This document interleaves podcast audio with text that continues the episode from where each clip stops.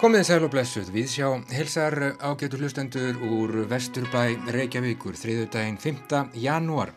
Sjálf í sviðsljósi, fagurfræði, náttúrunnar, listaverk í opnum aðgangi og Viktor Hugo sem var að deyja í Víðsjá í dag.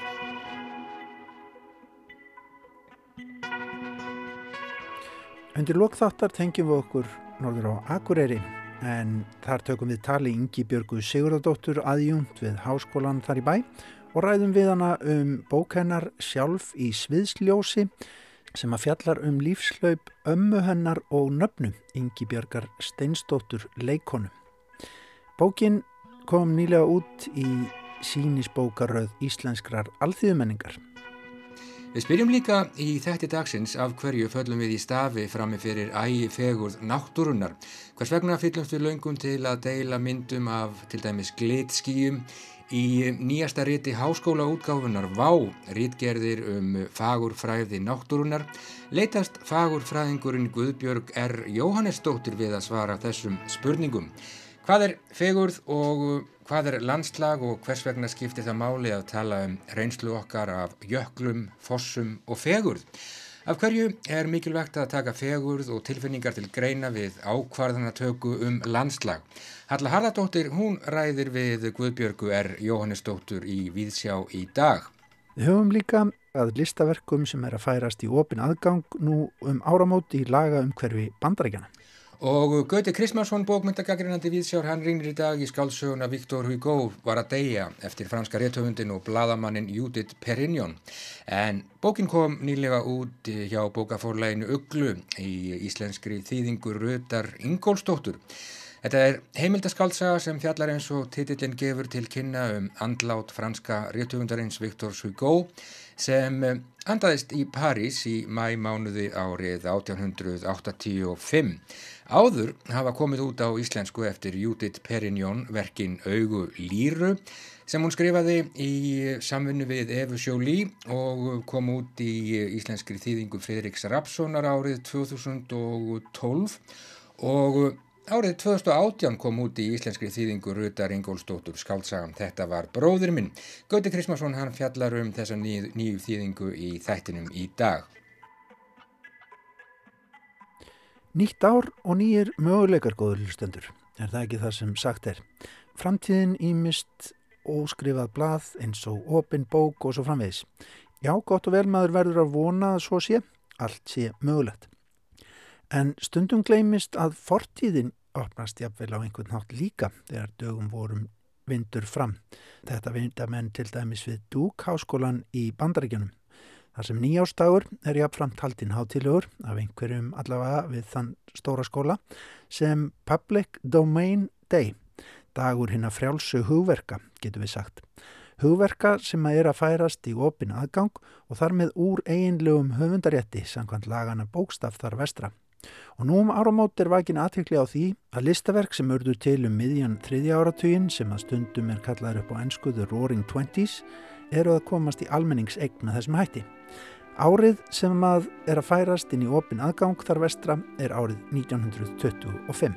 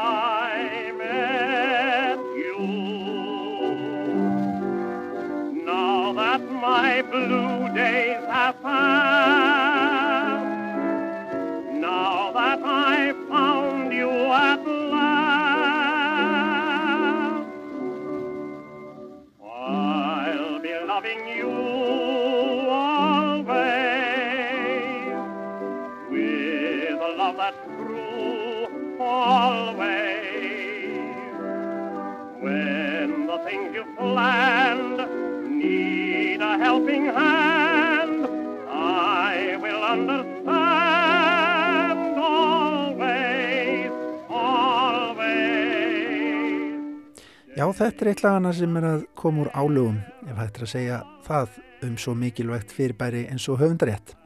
Þetta er söngur Irving Sperlin, Always. Þetta á við um heilan helling af stuðmúsík frá þriðja ártögnum. Við skulum taka örf á dæmi.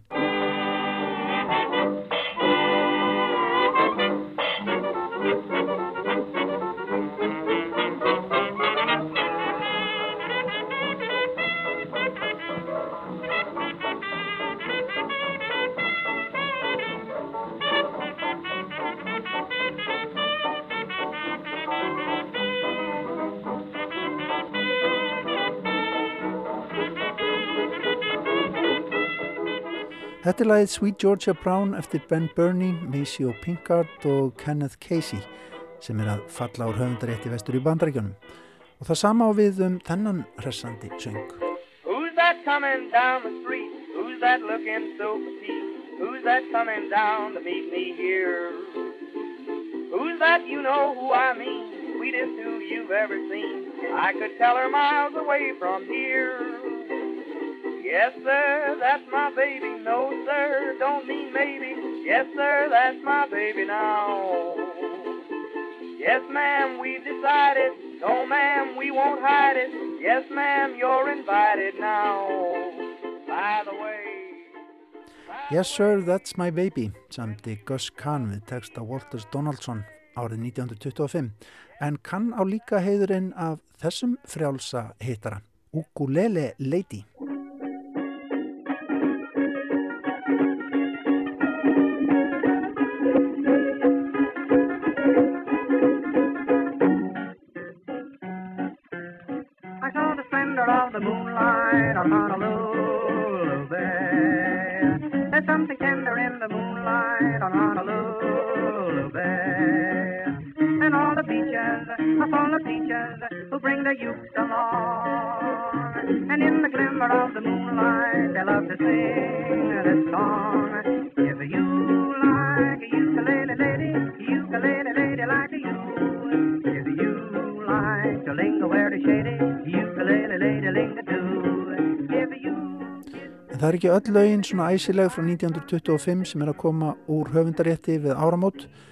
Það á líka við um þennan rólega blues sem innblásin er af lestaferðum þess samtíma, Dixie Flyer Blues með Bessie Smith.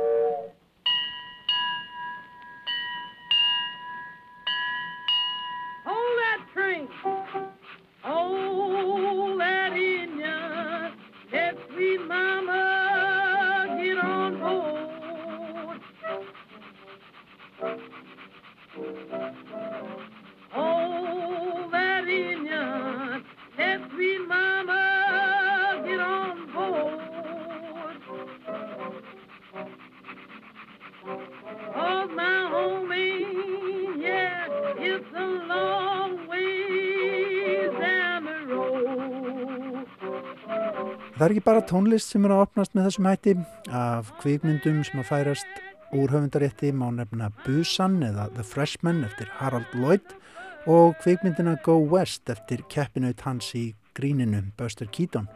Og já, ótrúlegt en satt, þarna er líka á lista kvikmynd sem að heitir Lovers in Quarantine, elskendur í sótkví, sem er önnur þögulmynd byggð á leikritinu Sótkví Quarantine sem var vist sínt á Broadway árið 1924. Hvort tilstandi að taka það upp aftur núna eða gera úr því nýja kvikmynd ef að ég en þeir hjá Dúk háskólanum taka fram að sótt hví elskendina hafi og bara staðið yfir í viku sem byrðfer. En það eru líka bækur á þessum lista, sumar heimsfrægar enn í dag. Ég get nefnt The Great Gatsby eftir F. Scott Fitzgerald Mrs. Dalloway eftir Virginia Woolf, Réttarhöldin eftir Frans Kafka og smásagnasafnið In Our Time á vorum dögum eftir Ernest Hemingway. Svo aðeins örfádæmi af listanum séu nefnd og auðvitað þau frægustu. En af hverju eru menn síðan að halda upp á nýjástag sem Public Domain Day, dag frjálsra hugverka, til dæmis hjá Dúk Háskólanum í Bandaríkjanum? Jú, þar á bæ er réttilega bent á að árið 1925 hafi verið fyrir laungu, laungu síðan og stór hluti menningar afurða frá þessum tíma sé hvort eð er komin úr umferð. Nú, þegar þessar útgáfur séu komnar í almanna eign, sé löglegt loksins að koma þeim á netið til að fleiri geti uppgötað og notið. Nöfn hugverkana á slíkum listum eins og þarna er tekinn saman séu aðeins toppurinn á ísjaganum. Fjölmörg önnur verk býði þess róleg að vera endur uppgötuð. Take it, please, conductor man. Get my ticket. Take it, please, conductor man. Going to my mammy, way down in Dixieland.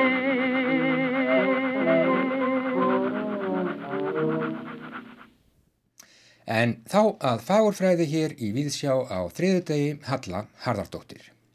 Út er komið nýtt ritt frá háskóla útgáfinni, bók sem að kallast Vá og sem hefur að geima sapn rittgerða um fagurfræði náttúrunar. Greinarnar fjalla allar á einnið annan hátt um samband okkar við veruleikan sem verður til í gegnum upplifun okkar á fegurð eða fagur ferðilega skinnjun okkar eins og höfundurinn vil kalla þá upplifun. Höfundurinn Guðbjörg R. Jóhannesdóttir, nýdoktor í heimsbyggi við Háskóla Íslands og lektor við Listaháskólan er sest niður með mér og hún ætlar að segja mér frá fagur fræði náttúrunar. Sælu blessu Guðbjörg. Sælu blessu. Velkomin í Víðsjá. Takk fyrir. Í ingangsorðum þá segir frá því hvernig þú fyldist með umræðinu um Kárunhúkavirkjun þegar þú varst í framhaldsnámi í umhverfisheimsbyggi í Breitlandi mm. og hvernig það rann upp fyrir þér að kjarni þessar deilu var sá að náttúrufegurð var ekki tekin til greina við ákvarðanatöku stjórnvalda. Hún var ekki tekin inn í umræðina. Mm. Að uh, gildum fegurðar var í hafnað á þeim fórsöndum að þau væru og huglæg að fegurð gæti ekki flokkast undir rauk því að fegur væri bara allt og persónlegt mm. dæmi. Dæmi. Segðu mér hans frá þessu. Já, ég sess að hérna fer út í meistranámi í umhverfisheinsbyggi eh, 2005 um hausti og hafði svo sem ekkit verið mjög mikið að fylgjast með Káranhuga umræðinu, hún var náttúrulega að byrja þá sko. Mm -hmm.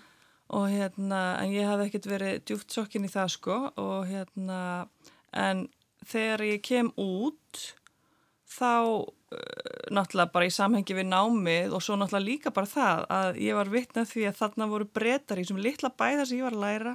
Þar voru breytar að halda fundi til að bjarga Íslandi veist og það svona vakti mér aldrei til umhugsunar bara já já ok ég ætti kannski að fara að skoða þetta eins meira. Aha, áhugavert það sem er að gerast heima. Já og bara mm -hmm. þú veist að þetta hérna hversu stórt þetta er sko. Mm -hmm og hérna, og svo kemur náttúrulega út bókin Draumalandið og ég held ég hafi fengið hana hérna mjólin og verið svo að mhm. lesa hana hérna á, á, á vorunni á sama tíma og ég var í námskeiði um umhverfis fagurfræði mm -hmm. environmental aesthetics sem að ég hafði ekki hérna verið að læra mikið um áður í bíanáminu eða neitt svo leiðis. Þannig að ég var svona kynnast fagurfræði fyrsta skipti þarna í gegnum umhverfisfagurfræði þar sem að var verið að fjalla um bara þessa upplifun af náttúrunni og gildi hennar og, hennar, og, og hlutverk þessara gilda í ákvarðanatöku og mikilvægi þess að taka þessa hlið inn í ákvarðanatöku í umhverfismálum mm -hmm.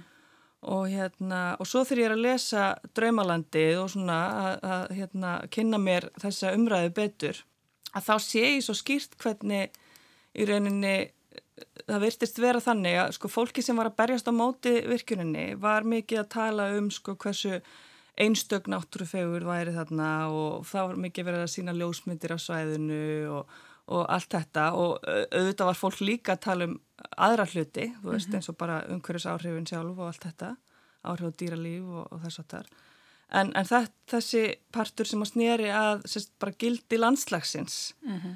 að hann var skiptigreinilega mjög miklu máli en á sama tíma var sá ég að það var engin staður til þess að ræða það af alfur mm -hmm. og ég gleym aldrei hérna þegar ég sá hanna hérna, fyrirverðandi yðnar á þeirra á þeim tíma. Mm -hmm. Sest, segja í fréttaviðtali hún stóðan upp á Kárnhugasvæðinu og segir eitthvað svona eins og já, ég sé enga sérstaklega náttúrufegur hér. Og þetta er bara kjarni málsins, þú veist, þegar þú segir þetta, já, ég sé enga náttúrufegur hérna, þú sér hana kannski, þá ert að segja þessi rög, þessi gildi eru bara eitthvað sem að einu finnst og öðru finnst ekki og þar leðandi er ekki hægt að byggja einhverjum svona haldbæra, mm -hmm. þú veist, ákvarðanatöku á þessu. Eins og það sé ekki hægt að eiga vitrænar samræður á eitthvað svona hlutlösan hátt. Þú fer alltaf út í eitthvað svona ástriðu personurög og Já. það verðist ekki gilda þegar það kemur að þessu. Já, nákvæmlega. Tengis náttúrulega umræðinu um þessi frægu tilfinningarög sem voru, sem var mikið verið að ræða þá. Einmitt, einmitt. Þú veist, og það kannski hægt að kalla þetta tilfinningarög, þú veist, að því að auðvitað er upplifin að fegur þá eitthvað hátt tengt tilfinningum, mm -hmm. en, en þetta er samt starra en það og, og meira en það. Og það fyrir kannski ekki að við eigum að út, útiloka þær. Nei, alls ekki og hérna og, og það er eitthvað neginn, þetta er svona snýst kannski og þetta er líka það sem ég var að bara lesa mikið um í umhverfisfægufræðinni að mm. það var svolítið svona kjarni, kjarni hérna, umræðina þar var þú veist hvernig getur við sínt fram á, hvernig getur við hérna uh, skoða þessi gildi mm -hmm. á nógu hlutlægan hátt sko, þú veist, Akkurat. eða hvernig getur við sínt fram á að þessi gildi séu ekki bara hugleg Veist, mm -hmm. að það sé hægt að komast að einhverju niðurstöðu um þau og það, það sé hægt að ræða þessi gildi og komast að sameilu um niðurstöðum þó að þetta sé mm -hmm. tengt einhverju persónuleg. Mm -hmm. Þannig að rögum vendun landslags vegna fegurðar þykja samkvæmt hefðinni vera allt og persónuleg skoðun að vísa mhm. til fegurðar mhm. og einmitt þess vegna verður við að, að vennjast við að tala um fegur eins og þú mhm. segir yngangi að tala um fegurð og vísa til hennar sem rauksemda. Já. Það er raunin það sem við þurfum að læra. Já, í rauninni. Þetta er kannski tengt svona ákveðinu svona uh, hýrarskju sko það sem að hefur kvenlæga er alltaf sett sko skur neðar. Mm -hmm. Og hérna og fegurðar upplifun hefur bara í vestrætni hugmyndasögu og fegurðar hugtakið verið mhm. mjög tengt kvenleika og mhm. líkamleika. Mm -hmm og, og það hefur verið kannski svona ákveð, svona, já, sett einhvern veginn skur læra, eitthvað sem á ekki að vera að ræða, þú mhm. veist, og, og hérna er bara svona hálgjört tapu og þetta er svona, þetta er bara tilfinningar og þetta er bara, við hefum ekki að vera að hérna, ræða það neitt, mm -hmm. þú veist, þannig að þótt að þrátt fyrir að sko þessi upplifun að fegur í náttúrunni sé eitthvað sem að sko örgla allir á Íslandi og, og víðar, þú veist, hafa eitthvað tíman upplifað, -hmm. þú veist en við erum kannski svona alin upp við það að veist, þetta sé eitthvað sem við tölum ekki um þóttu við öll upplifum þetta mm -hmm. þá er þetta bara eitthvað sem maður heldur fyrir sjálfa sig eða þetta er svona of kannski, já, inn á þessu kvenlega sviði þetta er svona væmið já. en þá hugsa maður eh, eigum við þá að hætta að tala um fegur sem er eitthvað sem er afstætt Já, ég meina það er bara svolítið svona kannski smættandi í rauninni það sem að, það sem að hérna, ég kom stað þegar ég fór að skoða fegurarhautaki sem að ég vissi ekki að ég var að fara að gera þegar ég byrjaði á mínu dóttorsverkefni sem átt að snúast um landslag. En svo bara kom í ljósa það er eiginlega ekki hægt að tala um landslag á íslensku hérna, þetta hugtak á þess að tala um fegurð. Mm -hmm. og það er heldur ekki hægt að tala um fagurfræði á Íslandi. Það er þýðingin og aesthetics og ennsku mm -hmm. þú veist, á þess að tala um fegurð. Þannig ég þurfti svolítið að krifja þetta hugtak. Og þá einhvern veginn sko kemur í ljós hvað fegurðarhugtæki er miklu miklu sko starra heldur en að við hefum kannski hérna uh, erum, erum kannski höfum vanist á að hugsa um sko að það, það er þessi hérna tvíhyggja sem hefur verið aldrei svona ábrendi í hugmyndasögunni það sem að fegurður er annarkort álitin algjörlega afstæð og mm -hmm. personlega og hugleg eða þá að hún sé sagt, bara í hlutunum, bara samanber hugmyndur um gullinsnið og þess að það sko. Mm -hmm. Það eru svona þessar tvær vestrannu hugmyndir sko, en sko heimsbyggin hefur alltaf verið, þú veist, frá bara dögum kant og hann bara gerði mjög hérna góða kenningu sem að var að leytast við að útskýra þetta, hvernig fegurðin er rauninni kvorki algjörlega hugla, nýja algjörlega hlutla, hún er kvorki bara í huganum eða í hlutnum, mm -hmm. hún er þetta samspill mm -hmm. vitundar og viðfangs þú veist og hérna þannig að, eh, þannig að við getum það er svo smættandi að tala um þetta sem bara huglegt mm -hmm. eða mhm. bara hlutlegt það snýst um sambandi sem við eigum við það sem við erum að skinja Og eins og þú talar um að einu staði bókinu, kannski er þetta svona svo áhugavert svið vegna þess að þarna getur við svona fjarlæst þessa tvíhyggju. Já, algjörlega, algjörlega. Og mm -hmm. einn af þeim sem að hérna, ég byggði mikið á þú veist þessar pælingar um, um fegurð út frá svona fyrirbarafræðilegu sjónarhortni amerískur höfundur sem heitir Galen Johnson mm. veist, hann segir hérna í sinni bókum fegurð þá segir hann sko þetta er eitt bara mikilvægasta hugtækið sem við þurfum svo mikið á að halda til þess að skilja það að vitund og viðfang er ekki aðskilin mm -hmm. þessi tvíhyggja á ekki lengur við mm -hmm. þetta hjálpar okkur að skilja þessa, þetta, þessi tengsl og þetta flæði á milli okkar og veruleikans. Mm -hmm. Einmitt, bókin kallast einmitt Vá. Einmitt. þessu litla orði sem að segja sann svo margt. Uh, við segjum fram með fyrir landslægi eða hverju því sem heillar okkur í náttúrunni og gott dæmi eru kannski glitst skíin, sástu þau? Já, um ég sá þau og ég mitt sæði pátt bara, vá, hvað er þetta? Og þau mitt flættu um samfélagsmiðla vegna þess að það, ver, við verðum svo uppnuminn og viljum deila þessu. En hérna, já, og þú færi raug fyrir því að við eigum að hlusta á þetta vá, við eigum að gefa þessu aðtikli og vægi mm -hmm. og reyna svona að krifja þetta vá og já. það er kannski það sem þú ert að gera þarna já. í þessari bók. Já. Af hverju er það svona mikilvægt að skoða þessa reynsli?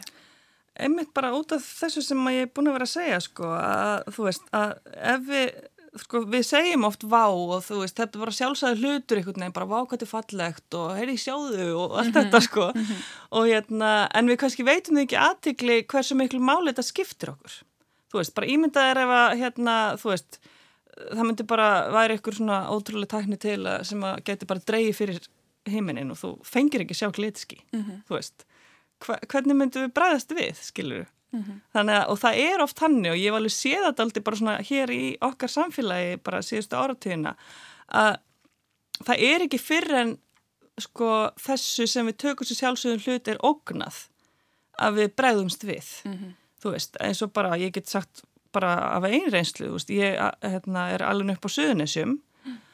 og hafði aldrei komin eitt sérstaklega mikið inn á Reykjaneskan þú veist, nema kannski, þú veist, ykkur skólaferð að ganga keili, þú veist, mm.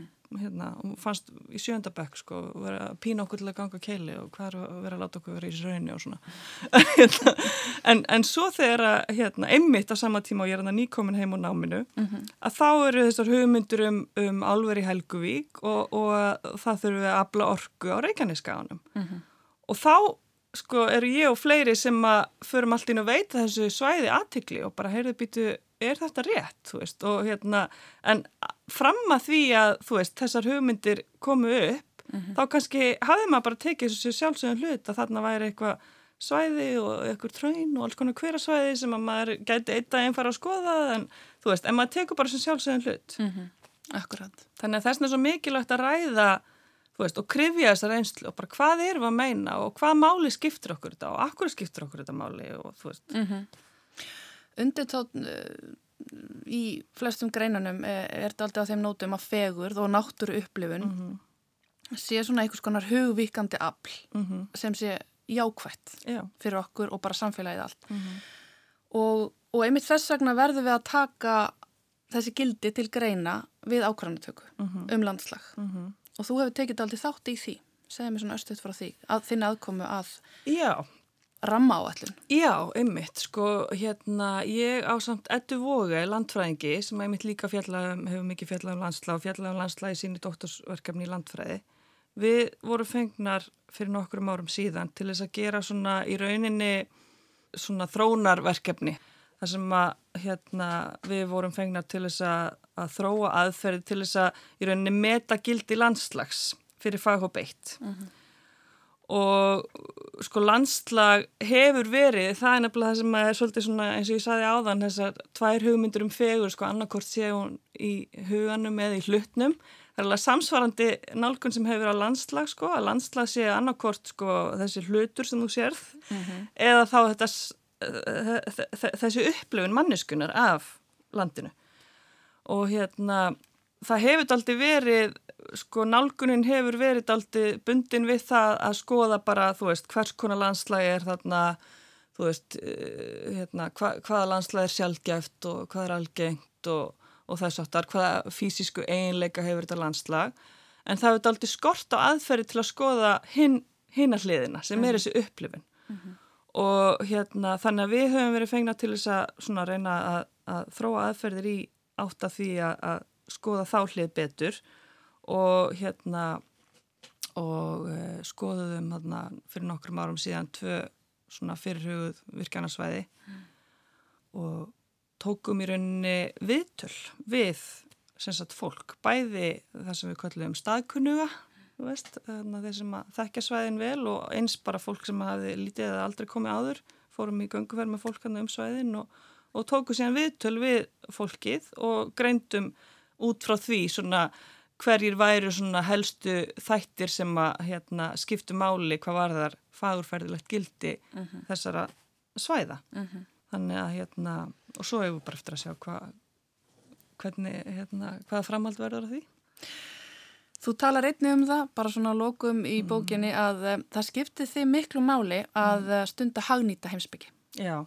Að festast ekki inn í ykkurum fílarsbeins törni og ég held að þessi bók sé einn tilrönd til þess Já. að færa þessi, þessi orð mm -hmm. inn í orðræðuna og, og nota þau Já, einmitt, það er bara hérna, það er einhvern veginn alltaf alveg frá ég byrjaði heimsbyggi, það er alltaf verið eitthvað svona í mér sem svona finnst óþægilegt sko að ég man bara eftir fyrst að hérna að mér fannst ég vera að læra um svo marga einhverja sko kallmenn frá hundra, hundrum árun síðan og bara og hvað hefur þetta að gera með það sem að er að gerast hér í dag var ég alltaf að spyrja sko og hérna auðvitað er alltaf hægt að finna þannig tengingar sama þú veist hvað við erum að -hmm. í mhm. heimsbyggi það er alltaf hægt að tengja við eitthvað sem er að gerast í samtímanum mm. og það er bara mér, mjög mikilvægt að gera það og ég, meina, ég held að það sé ástæðan fyrir ég fór í doktorsnám þú veist var að ég fekk þetta verkefni upp í hendurnar þú veist að hérna þú veist, hvað er að gera með landslag, hvað er landslag, mm -hmm. þú veist, mhm. hvað er gildi landslags og, og að það skiptir máli fyrir rammaállun og fyrir allar þessa ákvörðuntökuferðla og þú veist, mm -hmm. það er svona, vildi ég fara í þetta, annars hefur ég bara farið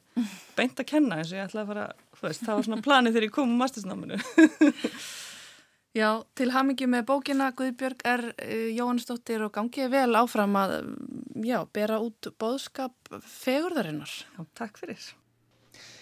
Já, Halla Haraldóttir hún rætti þarna við Guðbjörgu er Jóhannesdóttur fagurfræðingum fagurfræði náttúrunar.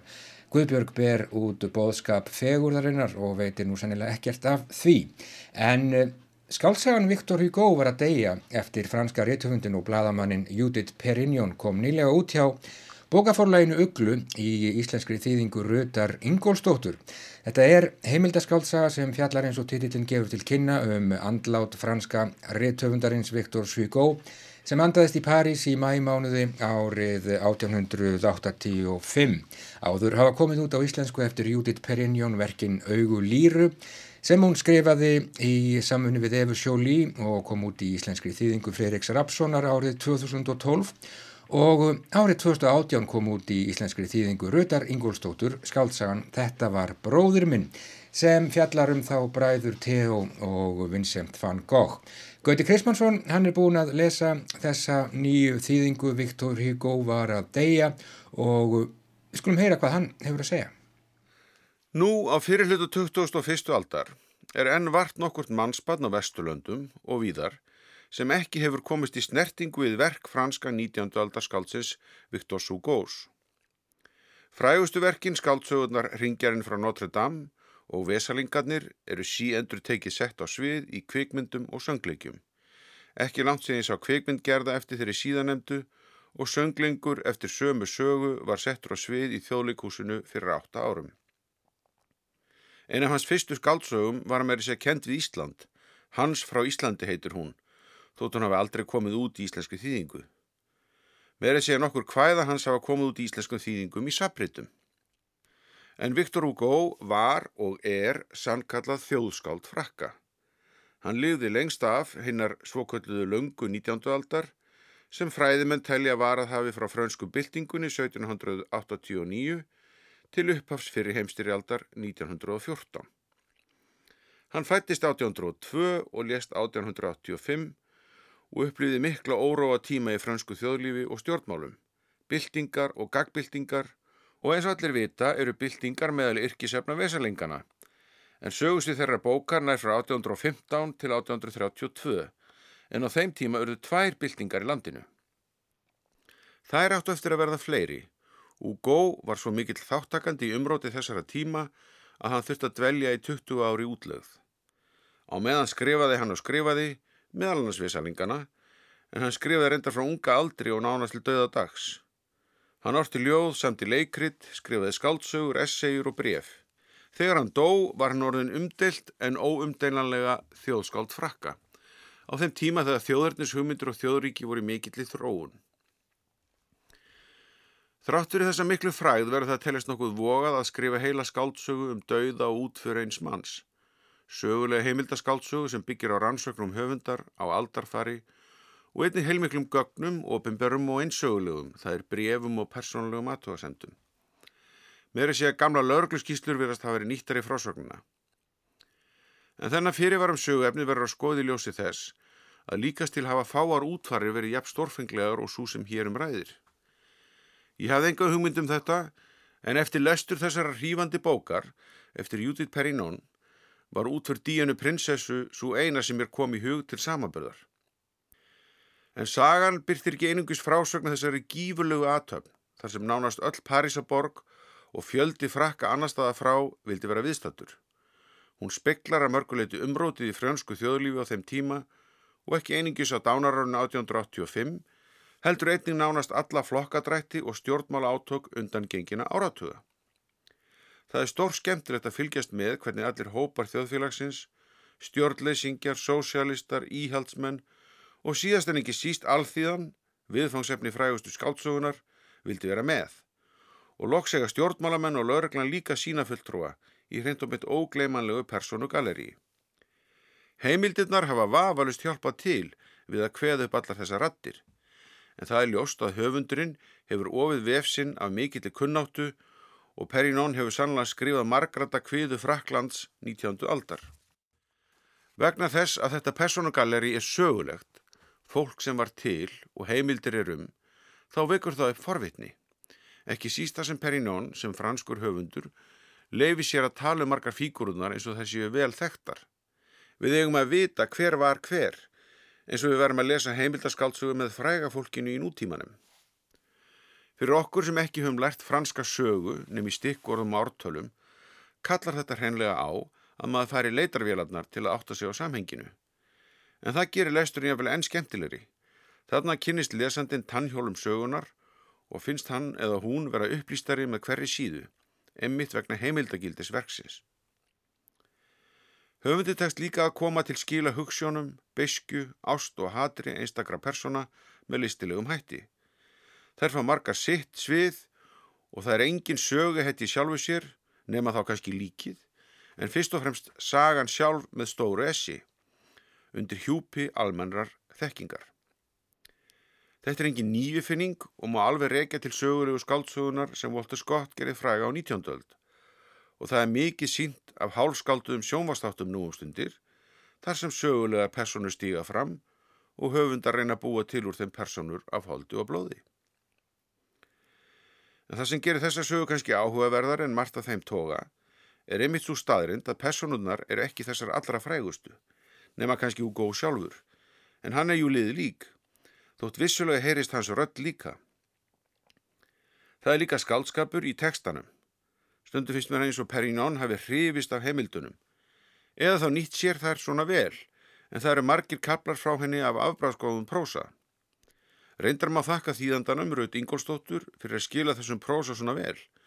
Hún er greinlega óhrættið flokna setningar sem ganga upp á góður íslensku og hún nýti sér stundum sérstað orð og orðfæri til að vísa til málskrúðs tímans án þess þó að ofreina stílin. Ég fann þeir allra sjálfgefistu alltaf að málið.is þegar ég gáði. Rut hefur reyndar þýtt aðra mjög góða heimildaskáltsu eftir Perignon. Þetta var bróðir minn um listmálaran Vincent van Gogh eða öllu höldur Theo van Gogh sem er einmitt að höndla með arfleði síns fræga bróður. Það er kannski líkillin að þessum verkum. Þau eru aðtugun á hvernig góðsagnirnar okkar verða til í höndum eftirlífenda og á þess að skrifa einhvers konar afhjúpun eða upphafningu frægra viðfangsefna gerur höfundurinn þau að manneskjum um leið og við sjáum hvernig góðsögnin er reist. Góðsögnin um Viktor Hugo var þegar orðin til meðan hann livði. Gatan sem hann bjó í og reynar fleiri var nefnd eftir honum meðan hann var í lifanda lífi og manni verið ljóst við lesturinn hvert ægi afl skaldskapurinn getur haft þegar hann finnir sér leið að hjörtum fólks. Í tilfelli Úgós byrtist það í þessari frásögn af monumental jarðaför sem er með þeim skemmtilegri sem ég hef nokkur sinni verið viðstattur. Já, Gauti Krismansson og ægjafl skálskaparinn sem fjallaði þarna um skálsöguna Viktor Hugo var að deyja eftir franska reytufundin og bladamannin Judith Perignon.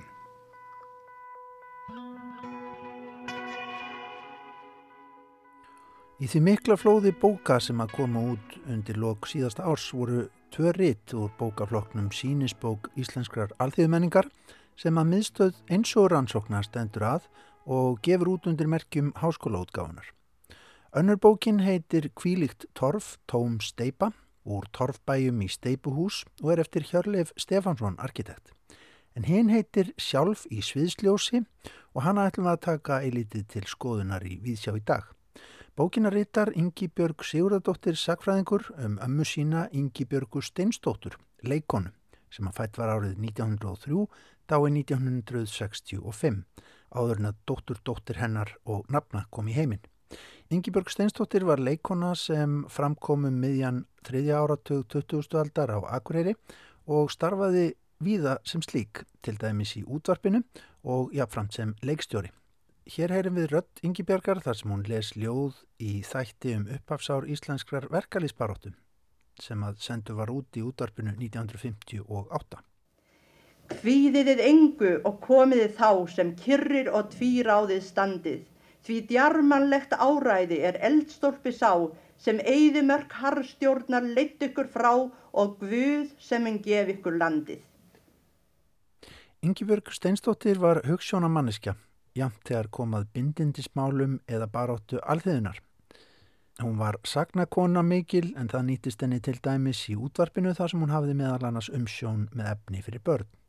Bókina sjálf í sviðsljósi byggir nafna hennar og barnabarn Ingi Björg Sigurðardóttir á fjölbreytum heimildum og meistaraprófsriðgerði sakfræði sem hún vann og bjóð síðan í þetta bókarform.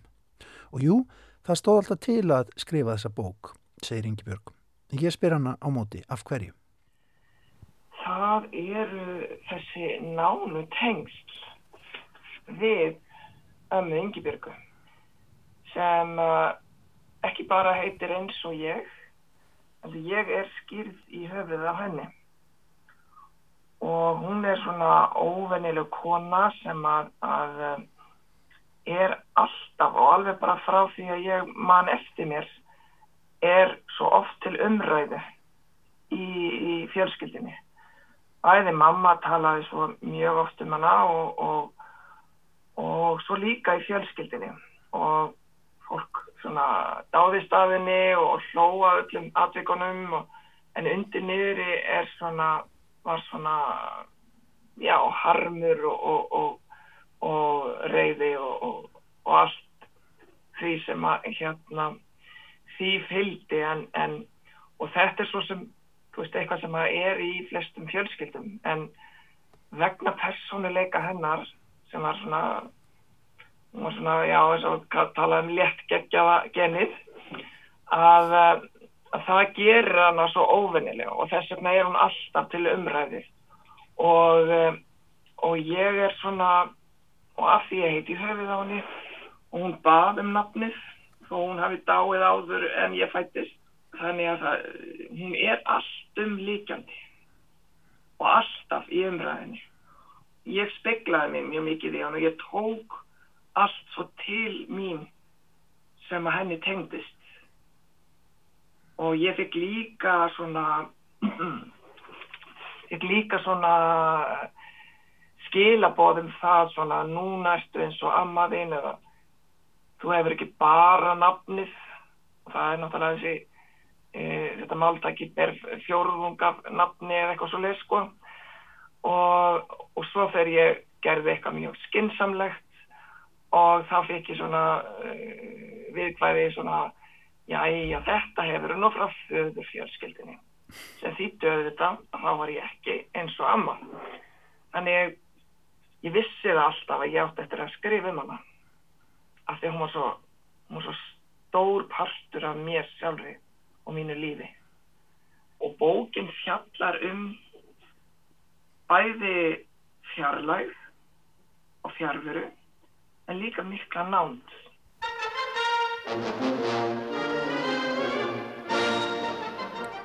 Leiklistaferill Ingi Björgar Steinstóttur hófst um miðjan þriðja áratugin á Akureyri en hann var brokk gengur í fyrstu eins og nafna hennar kom stað þegar hún fór að kanna málinn.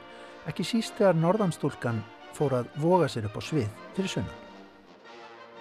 Jú, jú, og, um, og aftur var þetta eitthvað sem að ég uh, hafi sögurnar af henni voru ekki í samræðin við heimildunar.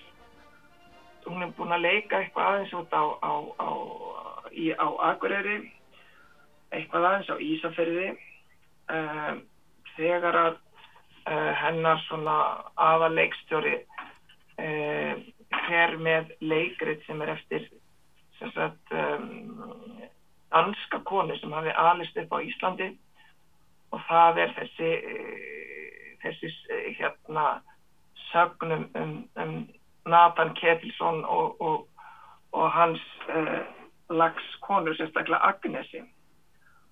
Og um, bæði fór þetta mjög fyrir brjóstið á Íslandingum að dönskona skildi hérna bara já, jafnvel voga sér að, að, að taka upp þennan, uh, þennan sagnarf eða þessa sögu. Og uh, síðan er þessi leikstjóri Haraldur Björnsson sem fer með þetta leikriti til Reykjavíkur í leikfélag Reykjavíkur. Og það fór fyrir brjóstið á leikfélagsmönnum því að, að um, þeim þótti mjög niðurlægandi að fá hérna e, bæði leikunur og leikstjóra utan á landi. Þetta er mikill gerjunatími, um, sko leikarstjættin er í mótun, uh, já leikfélag Reykjavíkur er svona að reyna skilgreina sig frá áhuga fólki.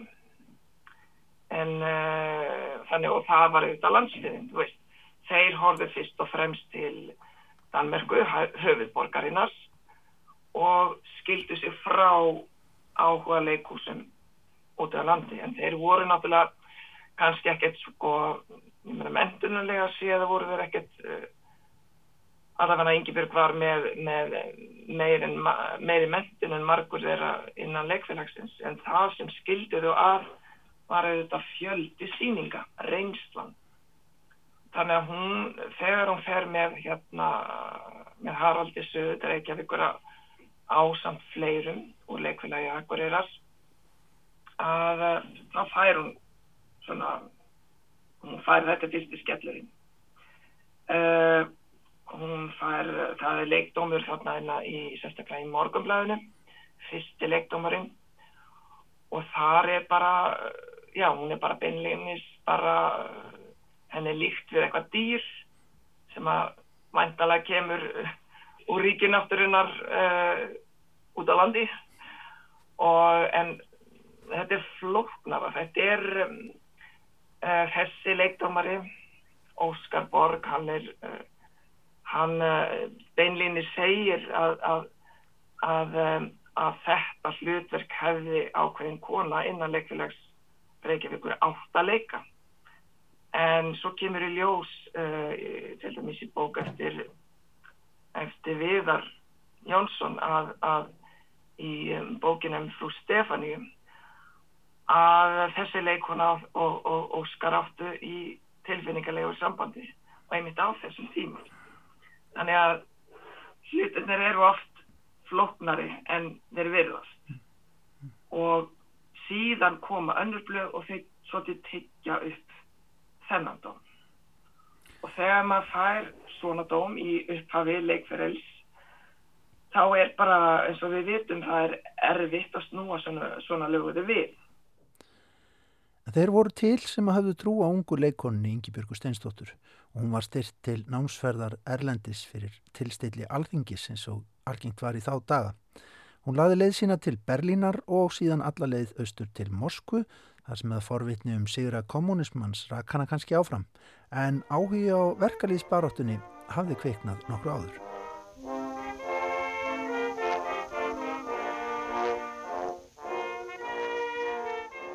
Þegar hún fer til Berlínar og þaðan til Moskvu að þá fær hún einhvern veginn um, hlutina beint í æð. Þarna er heimara á áallininn og, og, og, það er allt í gangi og hún kemur tilbaka og það, þetta er alþingis hátíðs uh, árið 1930 og nokkur verkalýsfélög uh, hefðu ákveðið að mótmæla þessari hátíð með því að sapna fyrir traktor handa rúsnesku þjóðinni.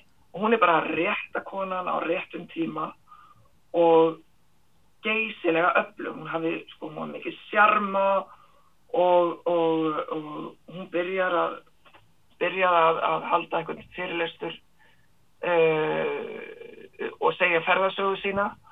Og svo bara fljótlega gengst hún þessari, hún tekur þessa söfnu bara, gengur henni í móðurstaf og heldur bara fyrirlestra bara um allt og, og á tíma þá hafði hún lengur til þess að, að, að menta sig frekar í í sko kommunískum fræðum en, en um, það var nú gert stólpa grínaðan í blöðunum fyrir það og, og, og einan kommunistaflokksins og meðal annars líka erlendis frá Nóri er henni ráðlagt að vera frekar á agreinum, ekki bara að menta sig. Og það var auðvitað bara í þáu flokksins.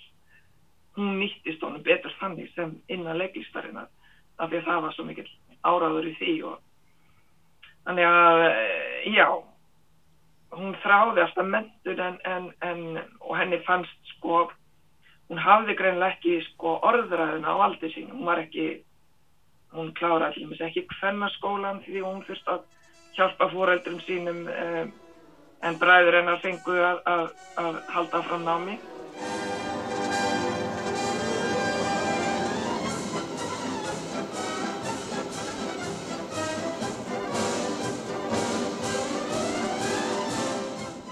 Það sem þú græðir á eila sem höfundur eru þessar ótrúlega fjölbreyttu heimildir og, og, og þú ert með myndir úr engasafni og, og allir þessi fjölbreyttu tekstar líka ég menna hún er, hún er að skrifa sína teksta og sína en sín, líka hérna auðvitað bæði, bæði um eigi líf en, en líka sína listrænu teksta skulum við segja, sögur og slíkt.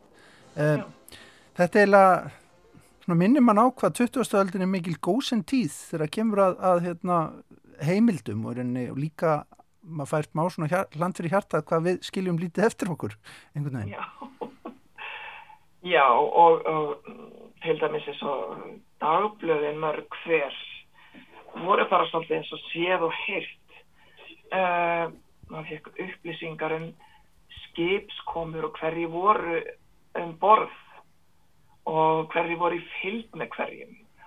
Og um, já og svo líka eins og með um, með útvarpstaskrár ég gæti séð alveg í gegnum náttúrulega þetta tímaritón fyrir þess að leita bara eftir nafnunni í öllum föllum. Og þá gæti ég bara fundið séð bara nákvæmlega hvenar hún var í, í útvarpunni og, og, og ég, með þessari nálgunar aðferð um að horfa bara á allt sem texta og líka hafa sjálfa. Það verður eftir þegar maður er, þegar maður er komin undir torfu, það er jú texti. Allt þetta er texti, auglýsingar sem að bæði hún byrti og einhver aðri byrtu og, og ef maður horfir á þetta svolítið svona ekki svona hvað maður er strángfræðilega en það er var markmiðið mitt svolítið að, að tegja svolítið á þeim ramma. Með því að stíga sjálf inn í textan og vera sjálf hlut af henni. Og, og líka notfari mér heimildir sem alla jafna eru ekki. Og notfari mér líka uh, tæki skaldskaparins og kannski vísanir í skaldverk án þess að hafa beinar sagt, uh, tilvísanir með, með fótnóti Ingi Björg, ég svo sem gef mér það að svarið við lókaspurningum minni sé já, en, en ég gerir ráð fyrir bara að þú hafir, já, hvað maður segja, fengið aðra sína á emmuðina og, og, og, og einhvers svona hvernig líður þér í dag núna þegar þessi rítgerð auðvitað daldur síðan að henni lauk og núna þessi bók komin út, hvernig líður þér svona með, með ömmuðina bara eiginlega? Uh, já, ég er nú farið á þessum tíma búin að fara alveg það er eiginlega allur tilfinningaskalinn. Og þetta hefur verið mjög lærdomsrikt ferðalag. Ekki bara um ömmu heldur líka um mig. Og bara sem, já, bara lengun til að skrifa og, og, og já, maður svona kynni svolítið sjálfið sér í svona erfiðu verkefni. Uh, ég er svona meira meðvituð um að hún er hluta mér og, og ég skil hana að mörguleiti miklu betur náttúrulega. Ver, verandi búin að fá sko reytaðar heimildir ekki bara þessar, allar þessar sögur. Og ég fær meiri skilning á, á fjölskyldunni en líka dýpri skilning á sögunni yfirleitt. Hvað hvað hérna og það er sögubæku sem ég las til dæmis bara í framhaldsskóla sko hvað uh, hennar líf er einhvern veginn það stangast á við það sögu í uh, hugmynd mína um söguna. Og, og ég veit náttúrulega að, að, að það úr og grúur af alls konar fólki.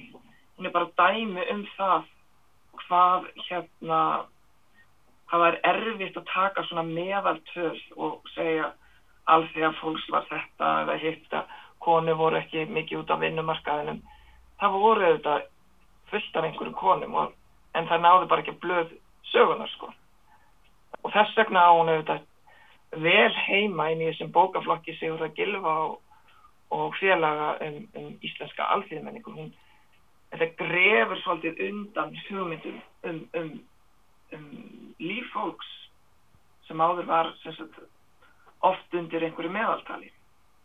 Sýnir bara hvað, hvað, hvað uh, já, líffólks er oft flókið.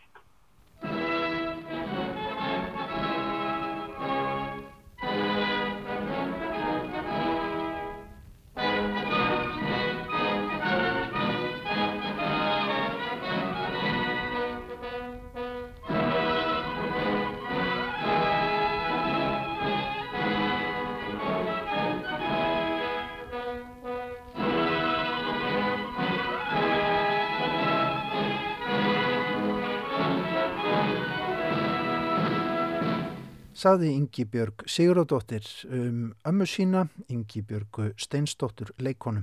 Út er komin bókin Sjálf í sviðsljósi. Hún er hluti af sínisbók Íslenskrar alþýðumenningar. 20. og 5. reytið sem að streymir fram í þeirri röð. Og kannski gaman að nefna það að hér í lestinu og eftir þá heyrum við af framtíðarútgáfu í þessari merku reytröð. Og svona líkur þessu hjá okkur í dag við sjá hér aftur á sínum staðalust eftir klukkan fjögur á morgun við Guðni Tómasson kveðjum hérðan úr Vesturbæ Reykjavíkur af þessu sinni. Takk fyrir samfélgina í dag kærlega, verðið sæl.